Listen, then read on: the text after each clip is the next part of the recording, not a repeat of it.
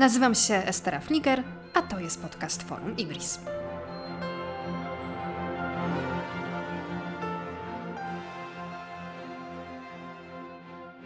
Państwa i moim gościem jest dzisiaj Jakub Wiech, redaktor naczelny serwisu energetyka24.com. Dzień dobry.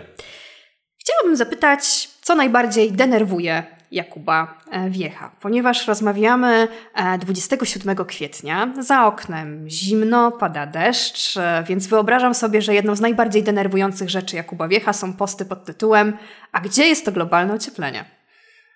Nie no, naj, najbardziej denerwuje mnie, jak się uderzę palcem o kant biurka czy, czy krzesła. W sensie do tych postów to już dawno przywykłem. To znaczy, to jest pewna część, pewien element takiej naszej kultury twitterowej czy social mediowej, mówiąc szerzej. E, I to wynika z kilku, moim zdaniem, powodów, e, dlaczego to się dzieje. Ja je doskonale rozumiem, więc e, nie będę się na to bulwersował czy oburzał, bo te powody są zazwyczaj smutne. Znaczy, albo mamy tutaj do czynienia z no już coraz bardziej nieudanym żartem, albo mamy do czynienia z pewnym brakiem elementarnej edukacji, albo mamy do czynienia z po prostu chęcią jakiegoś e, cynicznego załatania problemu z klimatem właśnie taką formą e, uważania, że to, co się dzieje w Polsce danego dnia maja czy kwietnia, to jest e, dowód za lub przeciw globalnym zmianom klimatu.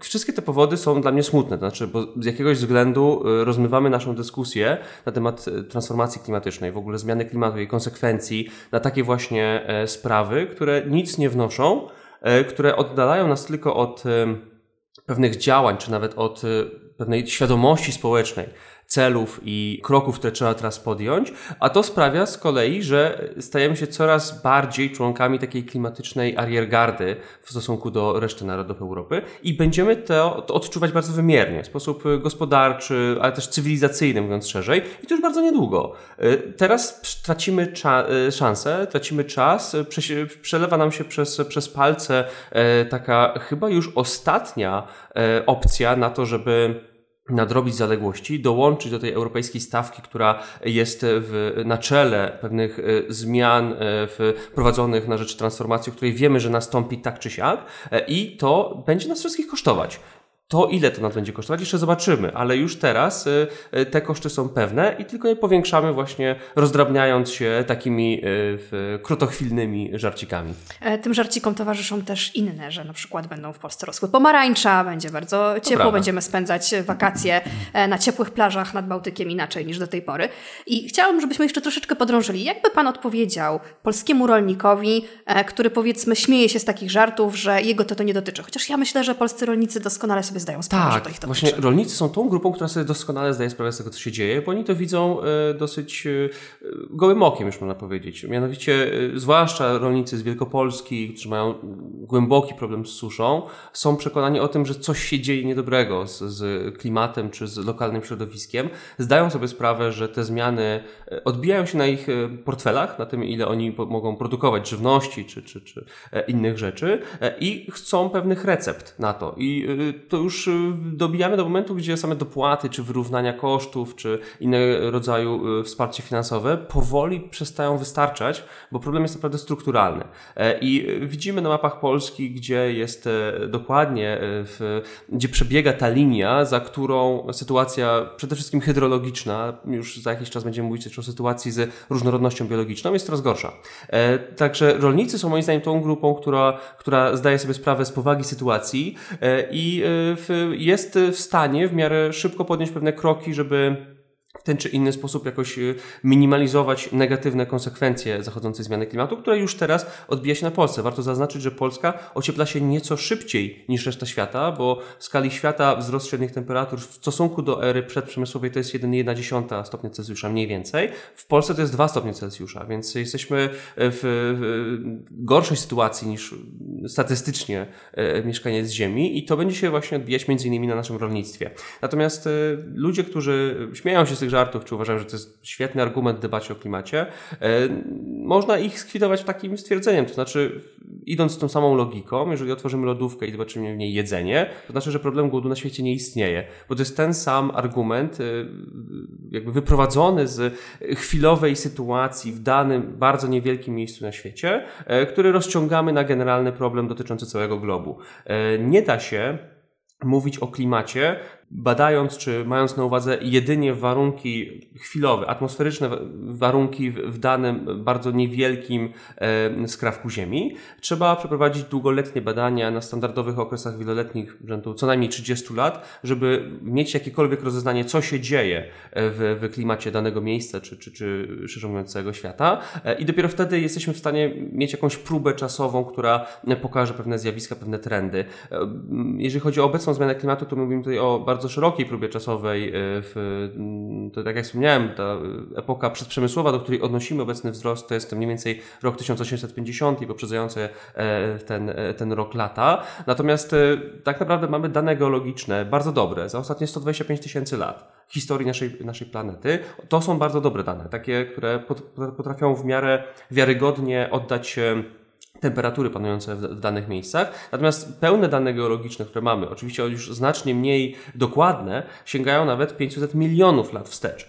I w oparciu o te wszystkie zestawy danych y, naukowcy stwierdzili, że obecna zmiana klimatu nie znajduje odpowiednika w historii tych, y, tych okresów y, znanych nam z, z geologii Ziemi.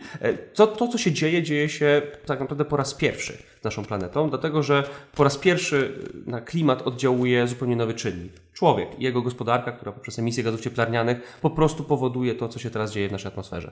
Powiedział Pan o tym, że to jest taka ostatnia szansa dla Polski, że możemy ją e, stracić. E, gdyby Pan się przyjrzał sytuacji e, Polski po 1989 roku, bo przecież to, o czym rozmawiamy dzisiaj, problemem nowym nie jest. Kiedy był taki moment, który według Pana najbardziej przegapiliśmy, żeby pójść w tym właściwym kierunku zmian?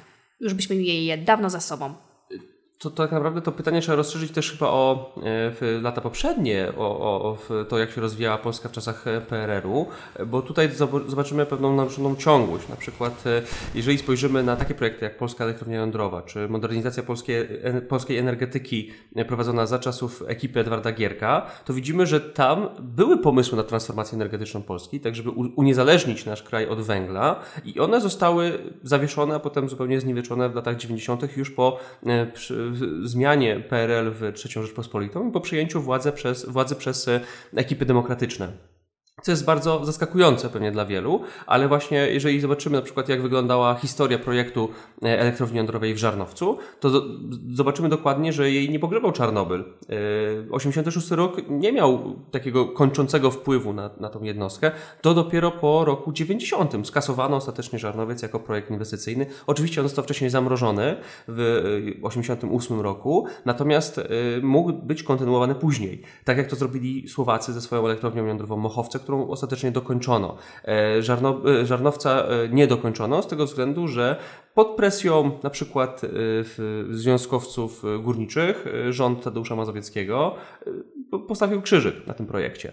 Także Mamy tutaj do czynienia z paroma istotnymi szansami, które przegapiliśmy, e, a które e, sięgają swoimi korzeniami jeszcze czasów PRL-u. Natomiast e, tak już zakorzeniając się, zasadzając się tylko na tym okresie po 1989 roku, uważam, że najbardziej przegapiliśmy to, co się działo po roku 2004, czyli od momentu wejścia do Unii Europejskiej, bo już wtedy wiedzieliśmy, jaka będzie polityka klimatyczna Unii Europejskiej.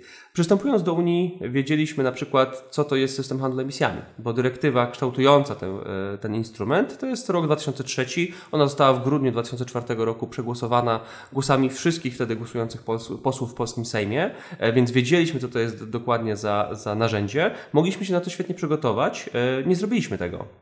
I co ciekawe, e, jeżeli spojrzymy właśnie na to, jak wyglądała debata przed akcesją Polski do Unii Europejskiej, tuż po, no tam politycy zwracali naszą uwagę w, w stronę spraw zupełnie nieistotnych, czy pomijalnie istotnych z punktu widzenia e, gospodarczego Polski. Rozbijało się to wszystko o jakieś kwestie kulturowe, seksualne, etniczne.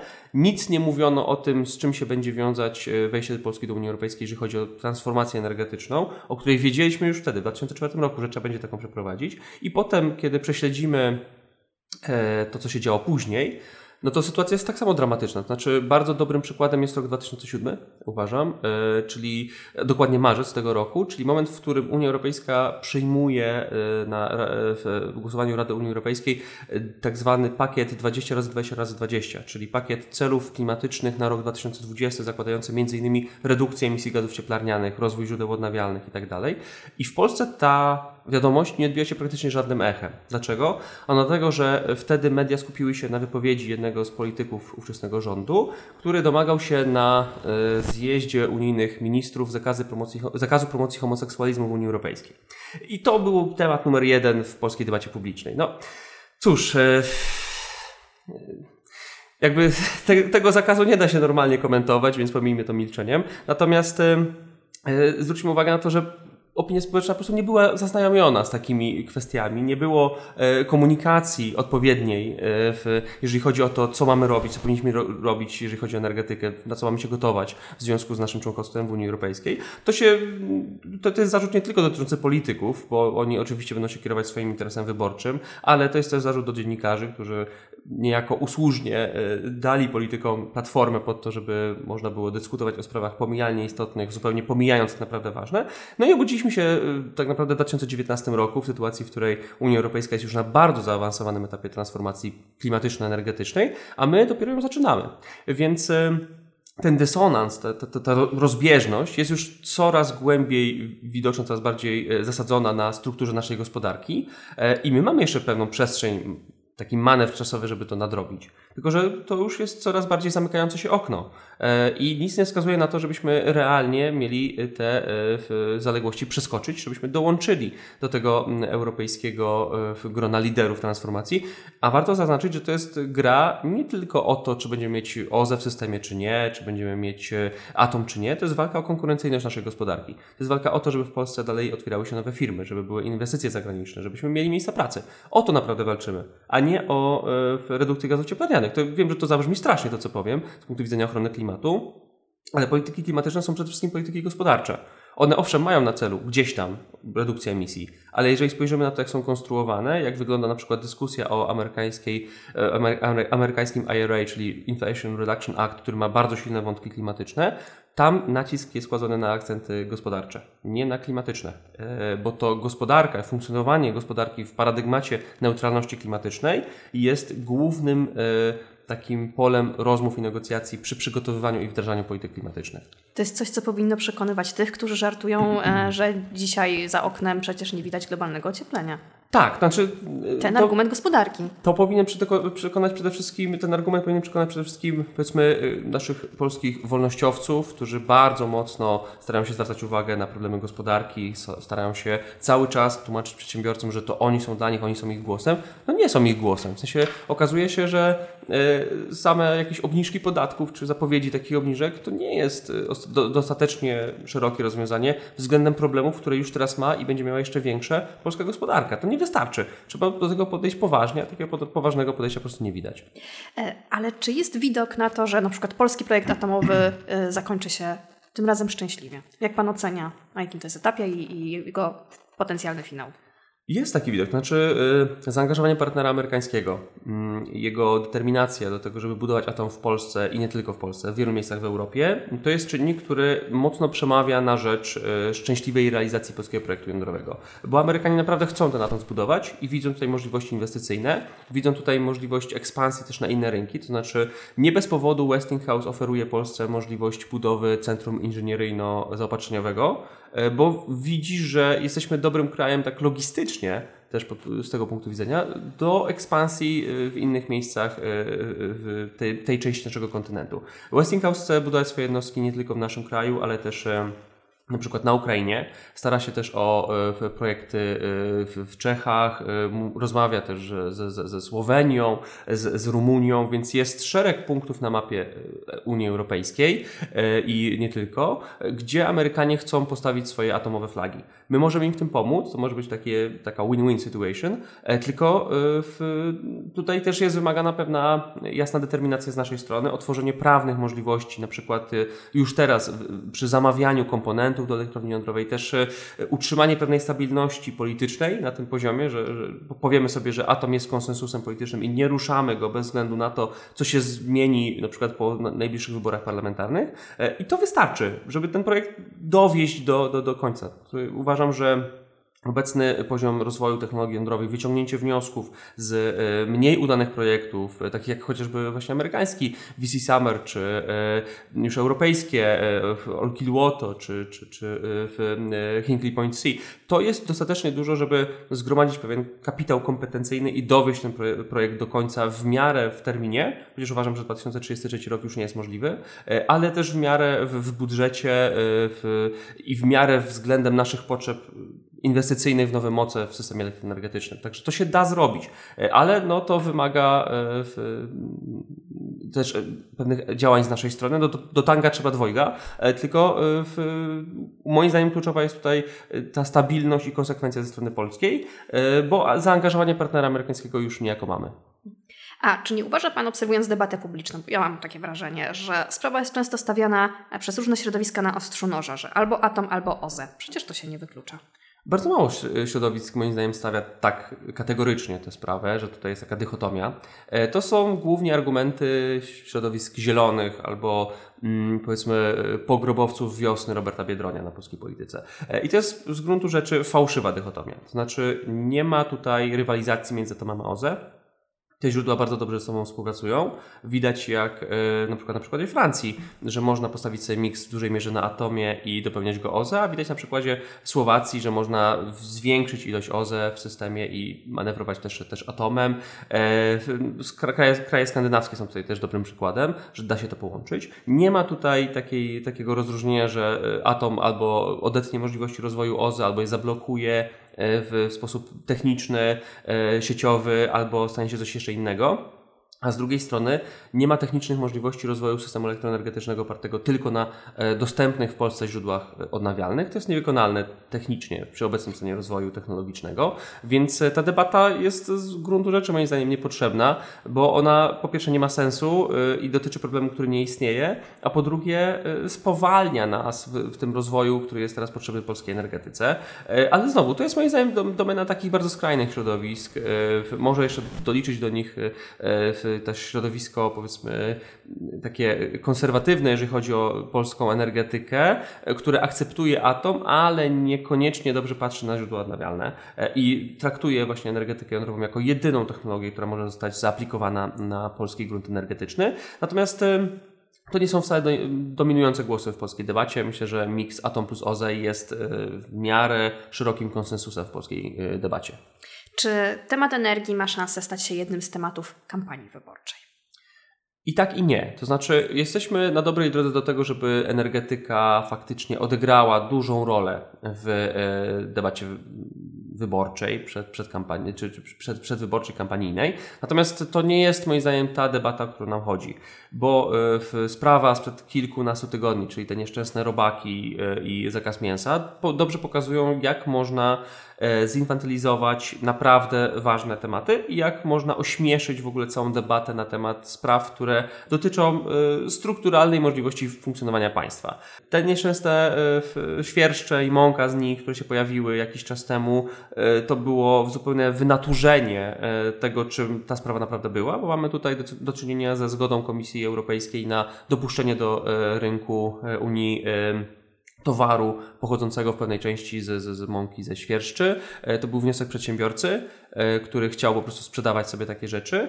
I co ciekawe, to zostało najbardziej zaatakowane przez polskich wolnościowców, przez e, polskich e, liberałów gospodarczych, którzy e, uznali, że tu jest jakiś przymus, że Unia Europejska teraz będzie nam nakazywała te robaki. Zupełnie nie tak. To jest właśnie ta paradoksalna sytuacja, w której środowiska, które zaatakowały tę całą sprawę, powinny maksymalnie szeroko przyklaskiwać, że Komisja Europejska w sposób liberalny podchodzi do unijnego rynku i tworzy przestrzeń do tego, że przedsiębiorcy mogli realizować swoje zamiary handlowe. E, to jest e, naprawdę ukłon w stronę e, handlu, w stronę przedsiębiorców, a nie jakiś przymus. Tutaj żadnego przymusu nie ma. Co ciekawe, też powiedzmy krytycy tego, tej całej, całej, całego pomysłu no, domagali się na przykład za pomocą jakichś projektów ustaw, żeby towary spożywcze przygotowane przy udziale substancji pochodzących na przykład od, od insektów, od owadów były odpowiednio oznaczone, co, cieka- co tutaj zostało już uprzednio wymuszone przez Unię Europejską i regulacje, regulacje spożywcze. Także mieliśmy tutaj naprawdę pomieszanie z poplątaniem. Odbiorca dostał taki przekaz, że Unia Europejska chce, żeby jadł robaki co nie jest prawdą e, i co jest zupełnie oderwaniem tej, tej debaty od jakichkolwiek e, racjonalnych ram i, i, i płaszczyzn. Mieliśmy jeszcze też e, kwestię raportu C40 Cities, która z kolei została wyciągnięta nagle w pewnym momencie przez jeden z tytułów prasowych i bardzo nagłośniona, chociaż ten raport jest sprzed czterech lat i która wywołała dyskusję o tym, że Warszawa chce zabrać mięso swoim, swoim mieszkańcom, co też nie jest prawdą, bo w ogóle ten scenariusz y, pochodzący z raportu, o którym najwięcej dyskutowano, czyli scenariusz ograniczenia spożycia mięsa do zera, to nie był żaden realny scenariusz egzekwowalny y, w, w ramach y, pewnej wizji, którą snuli autorzy raportu. Oni sami to przyznawali, że to był scenariusz referencyjny, to znaczy to miało pokazać, jak duża część naszych emisji pochodzi z tych towarów konsumpcyjnych, takich jak mięso. E, I ten scenariusz redukujący to do zera miał po prostu pokazać przestrzeń, jaką mamy, jeżeli chodzi o pewne manewry tymi emisjami, a nie nakłaniać do tego, żeby faktycznie prowadzić restrykcje dotyczące zakazu spożywania mięsa. Bo sami autorzy przyznają, że to jest niewykonalne, że po prostu nie da się w państwie demokratycznym wprowadzić tak daleko idących restrykcji, po prostu nie będzie to zgody społeczeństwa. E, więc to zostało od razu wyciągnięte właśnie jako dowód na to, że y, prezydent Warszawy chce jakiś terror spożywczy y, wprowadzać. I te dwie sytuacje, moim zdaniem, jak w soczewce pokazują, że mamy ogromny problem z poważną debatą w okresie kampanijnym. Liczą się emocje, nie liczą się argumenty, fakty, dane, twarde liczby. Liczą się emocje, liczy się wywoływanie pewnego afektu u wyborców i nadzieja na to, że ten afekt przetrwa do momentu wrzucenia głosu do urny. E, I e, obawiam się, że to energetyka podzieli losy tych, tych tematów, że też będziemy słyszeć, że albo na przykład od, od węgla nigdy nie odejdziemy, e, bo mamy go bardzo dużo, albo będziemy słyszeć o tym, że jedyną naszą nadzieją w tym momencie jest, są źródła odnawialne i nic poza tym. Dużo stron tej debaty, którą toczymy, wykorzystuje takie tematy właśnie w sposób powiedzmy niski, żerując na emocjach, ale jednak prym wiodą tutaj ci, którzy no, kontestują, mówiąc generalnie, politykę klimatyczną Unii Europejskiej i polskie dążenia do dorównania do tej europejskiej stawki w tym, w tym zakresie. I to znowu nas odciąga do realizacji celów, o których już do dawna wiemy, że trzeba je realizować. W jaki sposób na to reagować? Edukacją. E, w sensie należy maksymalnie prosto tłumaczyć, dlaczego na przykład e, transformacja energetyczna jest nam potrzebna, jeżeli chodzi już o same technologiczne e, właściwości naszej energetyki. Należy bardzo mocno kłaść akcent na takie przyziemne rzeczy, to znaczy na, na to, jak ta polityka klimatyczna Unii Europejskiej wpłynie na nasze codzienne funkcjonowanie, że to nie będzie zielony komunizm, zielony totalitaryzm, tylko że na przykład zrównamy się, jeżeli chodzi o chociażby sytuację e, ciepłowniczą naszych domów, mieszkań do poziomu już bardzo dobrze ugruntowanego w reszcie Unii Europejskiej. Należy po prostu pokazywać na jasnych przykładach, że zmiany, o których mówimy, one nie są rewolucyjne z punktu widzenia całego kontynentu, co widać dokładnie na przykład w głosowaniach za nimi w Unii Europejskiej, gdzie zdecydowana większość, przygniatająca większość Unii Europejskiej po prostu godzi się na tą politykę klimatyczną. Nie ma tutaj weta, czy nie ma tutaj sprzeciwu legislacyjnego, nie jest zgoda. A zazwyczaj tylko Polska protestuje w sposób e, właśnie e, wyrażenia głosu, głosu przeciwnego i to pokazuje naszą samotność strategiczną, też e, mówiąc o polityce Unii Europejskiej i to też trzeba pokazywać. To znaczy należy zasygnalizować wprost, że to my mamy problem z naszą perspektywą, która jest, mówiąc tak ogólnie, obrazowo zawęglowiona w różnym rozumieniu tego słowa. I to my jesteśmy tym krajem, który odstaje. To nie jest tak, że Unią Europejską rządzą jacyś zieloni totalitaryści, którzy chcą e, budować obozy dla nieprawomyślnych i uczyć ich tam e, ekologii tylko że to my mamy po części nie z naszej winy, E, tylko z, nas, z racji naszej specyficznej historii e, polityczno-gospodarczej, ale po części też z racji naszych zaniedbań, zupełnie inną optykę niż reszta kontynentu. Nawet nasi e, sąsiedzi z krajów dawnego bloku wschodniego nie mają już takich problemów z transformacją klimatyczną Unii Europejskiej, jaką, jakie ma Polska. Nie chcą popierać naszych pomysłów w tym zakresie, bo nasze problemy ich nie dotyczą, więc nie widzą tutaj zysków politycznych. I to było dobrze widoczne na przykład na płaszczyźnie walki Polski o zmianę w systemie ETS, gdzie staraliśmy się montować naprawdę bardzo egzotyczne koalicje polityczne w Unii Europejskiej z Francją, z Czechami, ze Słowakami, żeby jakoś przeforsować zmiany w tym, w tym zakresie. Nie udało nam się to, dlatego że nie zyskaliśmy dostatecznie dużo poparcia politycznego w Unii. Po prostu system ETS dotyka tak naprawdę trzy kraje w, w tej wspólnocie, mianowicie Polskę, Bułgarię i Estonię i nikogo poza nimi. E, bo to te państwa mają tak wysoką intensywność emisji, że system handlu emisjami faktycznie wpływa na koszty produkowania energii elektrycznej. W zeszłym roku dla całej Unii Europejskiej poza Polską problemem był drogi gaz, jeżeli chodzi o ceny energii elektrycznej. E, I to było coś, co zaburzyło tym rynkiem e, energii w, Unii Europejskiej, a dla nas nie. Dla nas system handlu emisjami był problemem. I jako w zasadzie dla jedynego tak dużego państwa w Unii Europejskiej. Więc trzeba pokazywać, że e, no, nie bardzo możemy już cokolwiek tutaj zmienić politycznie w tym e, monolicie e, polityki klimatycznej Unii, Unii Europejskiej. Po prostu nie mamy możliwości do tego. Wyjście z Unii nie jest opcją, bo nawet jakbyśmy z niej wyszli, to i tak polityka klimatyczna Unii Europejskiej będzie się na nas odbijać e, i mamy do wyboru albo trwać w tym takim e, byle trwaniu e, i nie zmieniać nic, czekając w zasadzie nie wiadomo na co, albo zacząć wreszcie mobilizować się do pewnej walki o swoje interesy, polegającej na nadrobieniu zaległości i też na wyszarpaniu sobie części tego europejskiego klimatycznego tortu, który jest tam gdzieś przygotowywany. I e, kończąc powoli naszą rozmowę, wiem, że pan redaktor przygląda się programom politycznym partii i temu, e, ile miejsca zajmuje w nich energetyka, jak ten problem został w nich e, ujęty. Ciekawiłoby mnie to, czy te programy w jakikolwiek sposób reagują na rzeczywistość. Czy to nie jest tak, że od lat są wciąż takie same, czy na przykład po 24 lutego jest jakaś korekta kursu poszczególnych partii? Jest pewna korekta. Znaczy, jeszcze o tych naj programach na najbliższe wybory się nie można wypowiedzieć, bo nie zostały przedstawione. Natomiast biorąc pod uwagę to, co już widzieliśmy i to, co widzimy teraz, chociażby przez pryzmaty e, czy to wypowiedzi poszczególnych polityków, czy na przykład aktualizacji polityki energetycznej Polski do 2040 roku, to widać tę korektę. Widać, że e, nawet e, te e, stronnictwa w polskiej polityce, które bardzo mocno stoją na e, stanowiskach takich węglowych, konserwatywnych, one dopuszczają już te nowe technologie, dopuszczają konieczność transformacji energetycznej. Nie ma takiego twardego postawienia sprawy, że nie będzie żadnej transformacji energetycznej. Ona się tam gdzieś przewija zawsze, natomiast e, oczywiście nie w tym tempie, nie w tym zakresie najczęściej, o którym, o którym chcielibyśmy, chcielibyśmy rozmawiać, nie, nie na takim poziomie powagi, o jakim chcielibyśmy słyszeć. Natomiast można powiedzieć, że jest jedna stała rzecz y, i mówię to jako konserwatysta. Najlepszy program energetyczny od 2015 roku ma tradycyjnie Partia Razem. Jest najlepiej napisany, najszerszy, najkom, najbardziej kompleksowo ujmuje te wyzwania, e, przed którymi stoi Polska i spodziewam się, że w najbliższej kampanii e, to ugrupowanie znowu zaprezentuje ten e, dokument na takim poziomie. Po prostu widać, że piszą go ludzie, którzy znają się na rzeczy, którzy coś, coś wiedzą o energetyce.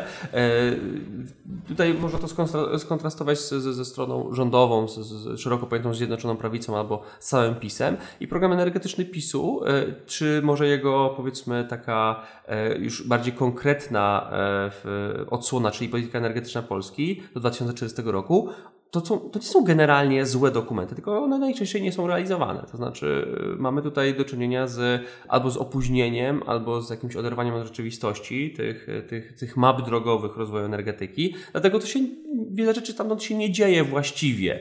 E, ale mamy też oczywiście rzeczy zupełnie skandaliczne, takie jak na przykład blokada, blokada wiatraków w, w, w Polsce, przez, utrzymana przez 7 lat mniej więcej, która trochę została poluzowana. To też nie jest takie poluzowanie, o którym branża chciałaby, chciałaby słyszeć. E, I co spowodowało w zasadzie, że ta technologia się nie rozwijała i nie wiadomo po co się nie rozwijała. Znaczy, nie wiadomo do końca w jakim celu wprowadzono tego typu restrykcje. E, żadne logiczne wytłumaczenie się tutaj nie trzyma kupy. E, więc tutaj wskazałem na tą partię, która jest moim zdaniem najbardziej poważna w sprawach energetyki, na tą, która rządzi, a reszta, no zobaczymy, bo ta kampania może być pod tym względem ciekawa. Mówię tutaj teraz o tym, co zaprezentuje opozycja, natomiast no, z racji tego, że tych programów jeszcze nie ma, po prostu trudno, trudno wskazać. Można operować tylko na wypowiedziach polityków, które też mają pewną dozę zmienności, zwłaszcza w tych e, takich ostatnich miesiącach przed e, wyborami. I czy myśli Pan, że e, podczas tej kampanii wyborczej, tak spróbujmy prognozować, politycy w swoich wypowiedziach o klimacie, o energii, o energetyce będą ostrożniejsi, bo zdarzały się nieraz no, dość skandaliczne wtopy, różne teorie, negowanie wpływu człowieka i tak dalej. Znane są wypowiedzi różnych polityków i to wcale nie tylko z tych skrajnych E, stron. Więc czy uważa Pan, że energia wreszcie stała się takim tematem, który zmusza polityków do mądrzejszych i ostrożniejszych wypowiedzi? Nie sądzę. To znaczy, y, w polityce mają to do siebie, że często muszą zajmować się wieloma rzeczami naraz. Mało jest takich, e, powiedzmy, zaplecz e, eksperckich e, w polskiej polityce, a to jest bardzo popularne na przykład w Stanach Zjednoczonych czy w Wielkiej Brytanii, w tamtejszych odsłonach parlamentaryzmu, gdzie mamy pewien zasób ekspercki, który pracuje na rzecz konkretnych partii, czasami na rzecz konkretnych polityków i oni są niejako desygnowani do tego, żeby zająć się tematami energetyki, czy, czy klimatu, czy, czy polityki środowiskowej i oni są ekspertami w tym, co mówią poprzez w zasadzie no, takie bieżące działania na polu tych spraw e, i e, dzięki temu ich wypowiedzi są merytoryczne i oni mają też większe możliwości działania, bo są sprawniejsi w tym, co robią. W Polsce to się kształtuje w bardzo szczątkowym zakresie. Mamy w partiach politycznych osoby tradycyjnie kojarzone z energetyką, ale nie ma ich za dużo. E, są też często, e, powiedzmy, marginalizowani w przekazie na rzecz bardziej właśnie emocjonujących e, głosów. I z tego względu no, słyszy się na przykład o tym, że Ziemia się ociepla w tempie 700 stopni na rok. No, to, to są takie wypowiedzi, które są śmieszne, ale wynikają po prostu z braku wiedzy, bo to nie jest tak, że tutaj faktycznie mieliśmy do czynienia z jakimś celowym przeinaczeniem czy, czy, czy straszeniem, tylko po prostu z brak, brakiem wiedzy czy abstrakcyjnego myślenia. E, I to się zdarza i uważam, że kampania wyborcza, która będzie się rządzić specyficznym językiem, specyficznymi prawami i koniecznością w pierwszej kolejności dotarcia do wyborcy i przykucia jego uwagi, będzie skłaniała raczej polityków do mniejszej roztropności e, w wypowiadaniu się o energetyce, bo i tak de facto nikt ich nie sprawdzi tak w e, pierwszym odruchu i to jest oczywiście przyczyną do w ogóle oceny całości debaty publicznej, która e, cechuje się między innymi tym, że, że bardzo łatwo strzelić jakiegoś fake newsa, czy, czy rzucić zupełnie niepopartym e, niczym stwierdzeniem w nadziei, że nawet jeżeli pójdzie jakaś e, dementi tego, tego, tego stanowiska, to i tak to nie odegra takiej roli jak samo to stanowisko, jeżeli chodzi o dotarcie, o siłę przekazu i tak dalej. Więc no niestety, kampania wyborcza i znamy to bardzo dobrze z Polski, sprzyja produkowaniu takich informacji. To, to ta walka polityczna wręcz zachęca do tego, żeby uderzać swoich przeciwników mm, nieprawdziwymi informacjami albo szczątkowo prawdziwymi informacjami. I energetyka niestety jest dlatego dobrym, do, dobrym poletkiem, dlatego nie spodziewam się jakiegoś, jakiejś ostrożności czy, czy, czy e, powściągliwości polityków w rozmowach o tym temacie. Nie udało się optymistycznie zakończyć. Przykro mi. E, ale może na pociechę dodajmy, że są media fact-checkingowe, które się rozwijają i również serwis energetyka24.com, którego jest pan redaktorem naczelnym, stoi na e, straży. Robimy co możemy. Bardzo dziękuję za rozmowę. Dziękuję Jakub Wiechę, Dziękuję pięknie.